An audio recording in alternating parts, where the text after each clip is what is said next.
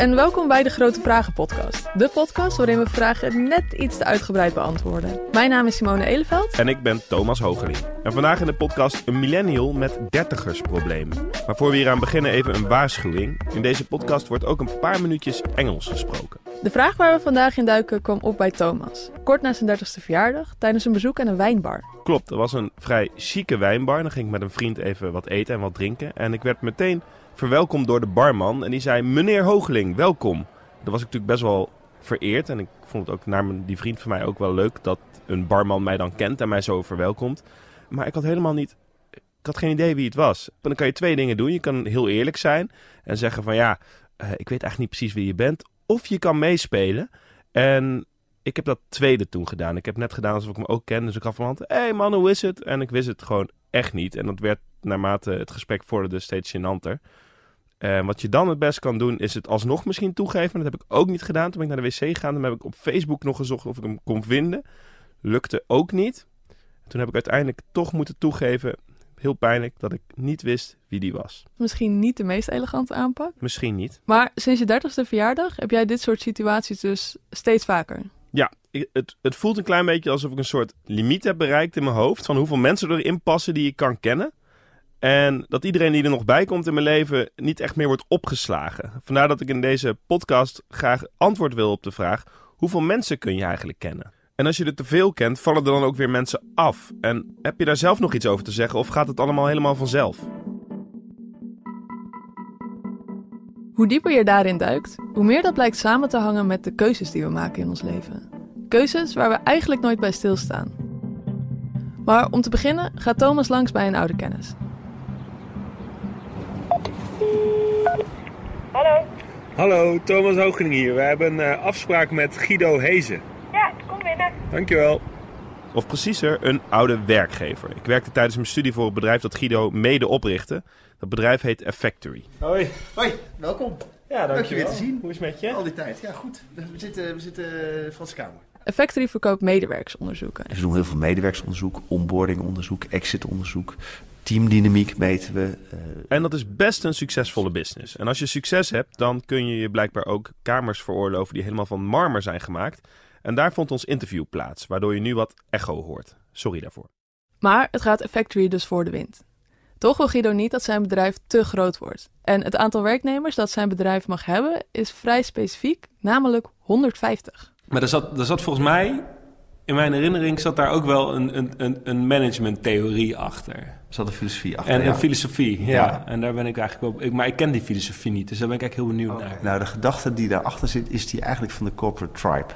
De corporate tribe. Ja. Deze filosofie komt uit de corporate antropologie. En het idee is dat binnen groepen van 150 iedereen elkaar nog wel kent, of op zijn minst een idee heeft van wie de ander is. In een bedrijf van die grootte voelen mensen zich nog verantwoordelijk voor elkaar en voor het gezamenlijke doel dat het bedrijf heeft. Een goede indicatie dat je te groot bent geworden zijn bijvoorbeeld van die passief-agressieve briefjes die je dan ziet verschijnen in de kantoorkeuken. Waarmee mensen elkaar proberen duidelijk te maken dat iedereen zijn eigen troep moet opruimen. En of iedereen alsjeblieft wil ophouden met de magnetron te gebruiken onder werktijd, want de etenslucht is echt niet te harde. Ja, zodra je in briefjes gaat communiceren ben je dus echt te ver gegroeid. En klein blijven heeft nog andere voordelen. Zo kun je onder de 150 nog goed samenwerken zonder een al te strenge hiërarchie. Dat is wel iets wat uh, op het moment dat je groter wordt, moet je, wil ik uh, uh, uitkijken voor een te, te, grote corporate culture. Waarin alles via processen, procedures, richtlijnen, muurtjes tussen teams en afdelingen geregeld moet worden. En daar is 150 is daar een redelijk magisch getal in. Uh, dus een soort natuurlijke beweging van hoeveel mensen kun je eigenlijk bevatten in je omgeving. Waarbij je elkaar nog onthoudt, waarbij je nog weet wie je, wie je bent enzovoort. En daar ben ik zelf op een gegeven moment in geloven, gaan geloven. Ja. Ik bedoel, als, het, als iemand, als, als, als ik continu gevoed was met dat zijn er 170 of dat zijn er 120, had ik, daar, had ik, had ik een ander getal genoemd. Dan hadden je 170 mensen. Ja, ja, precies, precies, precies.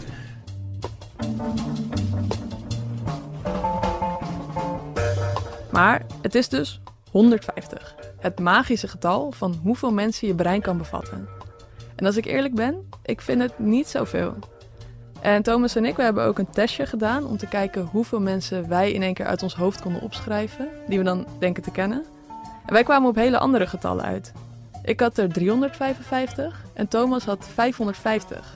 Dus hoe komt Guido aan die 150?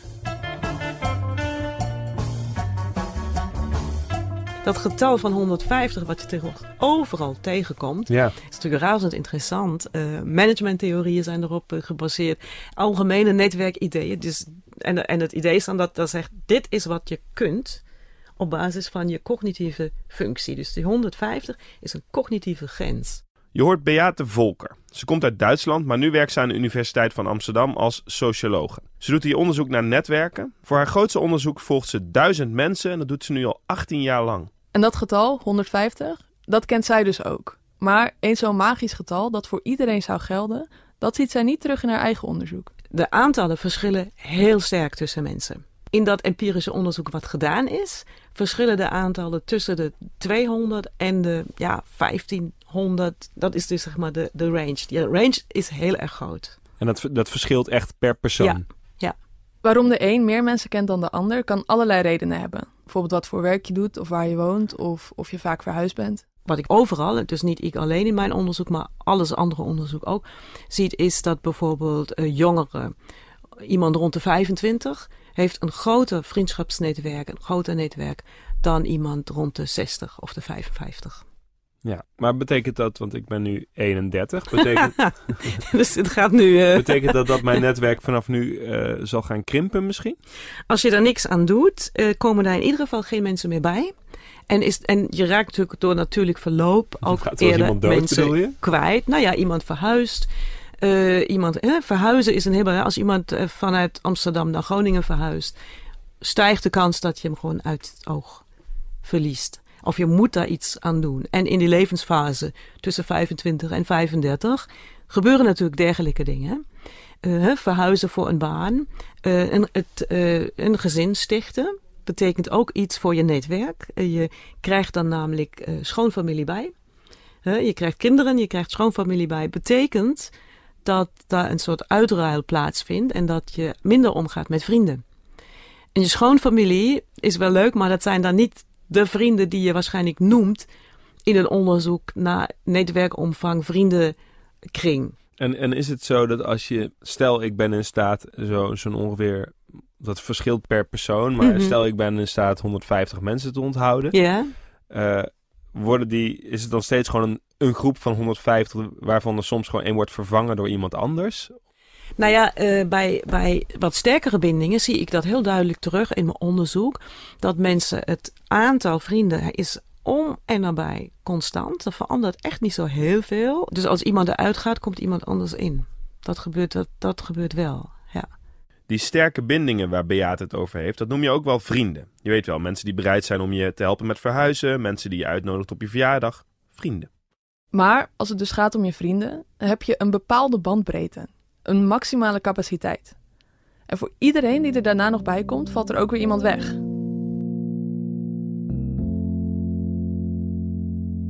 Maar als het dus zo is dat je maar een maximaal aantal verbindingen aan kan gaan in het leven, en dat aantal na je dertigste eigenlijk alleen maar afneemt, is dit het dan?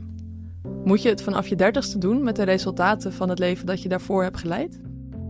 Dus nou, ja, maar, maar dat idee heb ik. En ehm, ik kom nu dus heel vaak mensen tegen die dan zeggen: Hé hey, Thomas. En dan weet ik dus niet meer wie ze zijn. Is, heb ik mijn Oké. limiet nu bereikt, denk je? Zo klinkt het wel cognitief.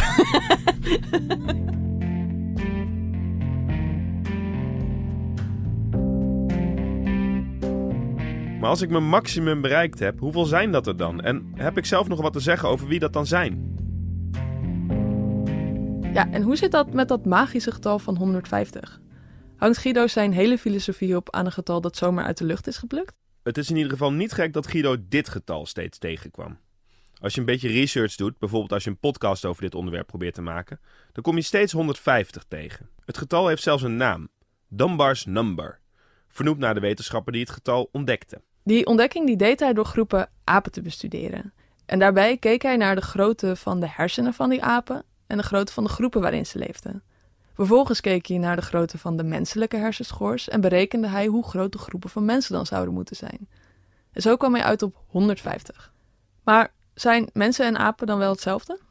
Our relationships, our friendships and family relationships are almost exactly the same as those you see in certainly the apes and most definitely the kind of smarter, more social monkeys. We zijn dus gewoon een stel apen. Je hoort hier Robin Dunbar. En dat is dus de Robin Dunbar, evolutiebioloog aan de Oxford University en ontdekker van het gelijknamige getal. Een getal met impact dus. Niet alleen Guido houdt er rekening mee, ook Netflix en de Zweedse Belastingdienst richten hun kantoren in aan de hand van Dunbar's number. Hoe bekend dit getal is, kwam ik nog achter de avond voor mijn interview met Dunbar. Toen ik aan mijn vriend vertelde dat ik hem zou spreken. En hij reageerde met: Wat? Ga je de Dunbar spreken? Bleek dat in Katwijk, waar mijn vriend vandaan komt, de Dunbar stond. Een bar waar, je raadt het nooit, 150 mensen in pasten. Daar had Robin Dunbar zelf ook nog niet van gehoord. Really, how extraordinary. Yeah, unfortunately, it has to close down. Oh, that, that's a bad omen. Uh, that, that just blows my mind.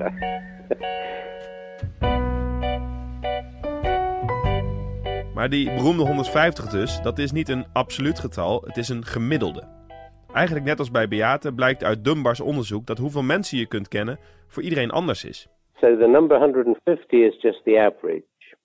Um, there's quite a big range around that. Uh, probably in normal adults, that ranges from perhaps 100 at the bottom end um, to around about 250 at the top end. And we might think of that, the bottom and the top, as representing kind of introverts and extroverts.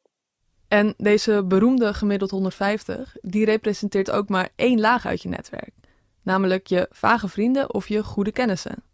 Daaromheen heb je nog lagen van je beste vrienden tot je verre kennissen. En net als Beate kwam Dunbar erachter dat deze lagen grofweg dezelfde grootte houden. Dat betekent dus, als iemand erbij komt, dan gaat er ook weer iemand af. So we have a very small circle of five kind of intimate friends in the center, and then 15 best friends, 50 good friends, 150 friends. And then out beyond that 150, then there are two more layers, uh, one at 500, which covers acquaintances. Now, in real life, we differentiate between those layers very clearly. We know who slots into which layer, in other words, and each layer is dependent on how much time we invest in the person. Gelukkig heb je dus wel iets te zeggen over wie in welke categorie terechtkomt en wie wegvalt als die categorie vol zit. Het heeft alles te maken met hoe je je tijd indeelt. Well, it, it, the thing is, it's a bit of a trade-off between cognitive limits and time limit. Um, the two are actually quite closely related because you build the emotional quality of the relationship by investing time in first. Um, but you mentioned something about a specific amount of time that you have to invest to reach a certain layer of friendship. Yes. Do you know what specific time that is? Um, uh, we do indeed. Um, roughly speaking, the that inner core layer of five kind of intimate friends and family, you really have to see them at least once a week to keep them in that circle. For whatever reasons, less than that um, time, very quickly their your emotional closeness to them will decline and they will slide down into the next layer below. Dus die vijf meest intieme vrienden, de mensen aan wie je je geheimen durft toe te vertrouwen, die moet je wel regelmatig blijven zien. Minimaal één keer per week. En die vijf, dat is dus een gemiddelde. Voor sommigen zal die iets hoger liggen, voor anderen iets lager. Voor bijna iedereen hoort daar ook je partner of een familielid bij. En die 150 vage vrienden, die moet je ook onderhouden. Als je die niet minimaal één keer per jaar tegenkomt, dan durf je de volgende keer waarschijnlijk niet meer op ze af te stappen om een praatje te maken. En dat is ook wel logisch natuurlijk, want heel veel vriendschappen die starten omdat je in eerste instantie een beetje tot elkaar veroordeeld was. Bijvoorbeeld omdat je op dezelfde tennisclub zat, of omdat je samen aan een project werkte, of bij elkaar in de klas zat of zo. Dat daaruit dan die vriendschap is ontstaan. Gewoon iemand aardig vinden lijkt niet genoeg. Om een vriendschap op te bouwen moet je samen tijd doorbrengen.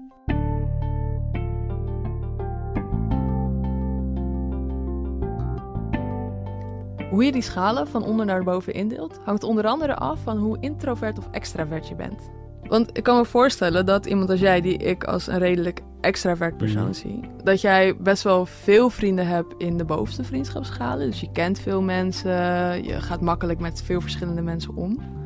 Maar dat er misschien minder mensen zijn aan wie jij al je intiemste geheimen zou delen. Ja, dat klopt wel dus. Ja. Terwijl bijvoorbeeld een introvert persoon misschien weer veel meer mensen zou hebben. Weet je wel, misschien wel een stuk of acht met wie je al je diepste geheimen durft te delen. Omdat Ja. je veel in hen investeert, maar het heel lastig vindt om met uh, onbekenden om te gaan, bijvoorbeeld. Ja, precies. Maar je maakt daar ook keuzes in. Een paar van mijn beste vrienden zijn bijvoorbeeld verhuisd naar het buitenland. En voor ons lijkt het logisch om elke week nog contact te hebben via Skype of WhatsApp. En zo blijven we ook in elkaars binnenste vriendschapscirkel. Maar is dat wel de slimste keuze? What's interesting is you have to ask, bear in mind what the functions of friendship are. And particularly that inner core of five intimate friends and family. They're what I call the shoulders to cry on. So, you know, when your life falls apart, you need a shoulder to cry on, and it's one of those people uh, you go to. Uh, it makes a big difference that it's a real shoulder to cry on. So a virtual shoulder to cry on at the other end of a computer screen just doesn't have quite the same emotional value as somebody you can grab hold of. And so if you're spending time investing in relationships, people are distant, that means you're not spending that time building new relationships of somebody kind of right there with you. There's no right answer, I guess, but you pay your money and you make your choice. De tijd die je in de ene vriendschap investeert, die investeer je niet in de andere. Maar voor wie zich nu volledig verliest in vriendschapskeuzestress, heeft Beate nog wat laatste geruststellende woorden. Uh, wel is het zo dat wie voor jou belangrijk is, die vergeet je niet.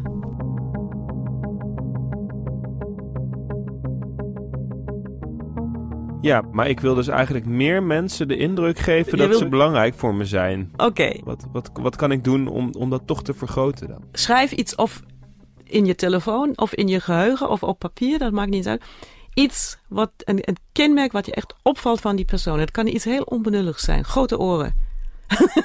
ja, ik heb grote oren, dat klopt. Nee, ik, ik zag nu net je oren. Dus ja, ik, nee, ik heb grote oren. Um, een leuke stem. Maar als jij dat op een gegeven moment ziet en je ziet het in je contactenlijst, dit vergeet je nooit. Dus jij hebt me nou opgeslagen in het hokje grote oren, leuke stem, journalist. Probleem met netwerken. En, en, dan, en dan gaat de naam Thomas gaat niet meer uit je hoofd. Die gaat niet meer uit mijn hoofd, nee.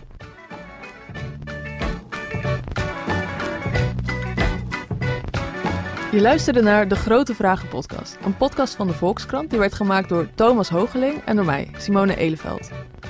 Ons logo werd gemaakt door Tijmen Snelderwaard, audio na bewerking door Rinky Bartels en de eindredactie werd gedaan door Dirk Jacob Nieuwboer.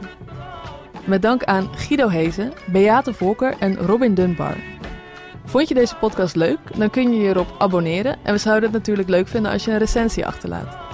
Voor direct contact kun je twitteren naar Thomas of een mail sturen naar podcasts.volkskrant.nl en daar antwoord ik dan op. Volgende week in de Grote Vragen podcast: is het moord of doodslag? Bedankt voor het luisteren en tot de volgende aflevering.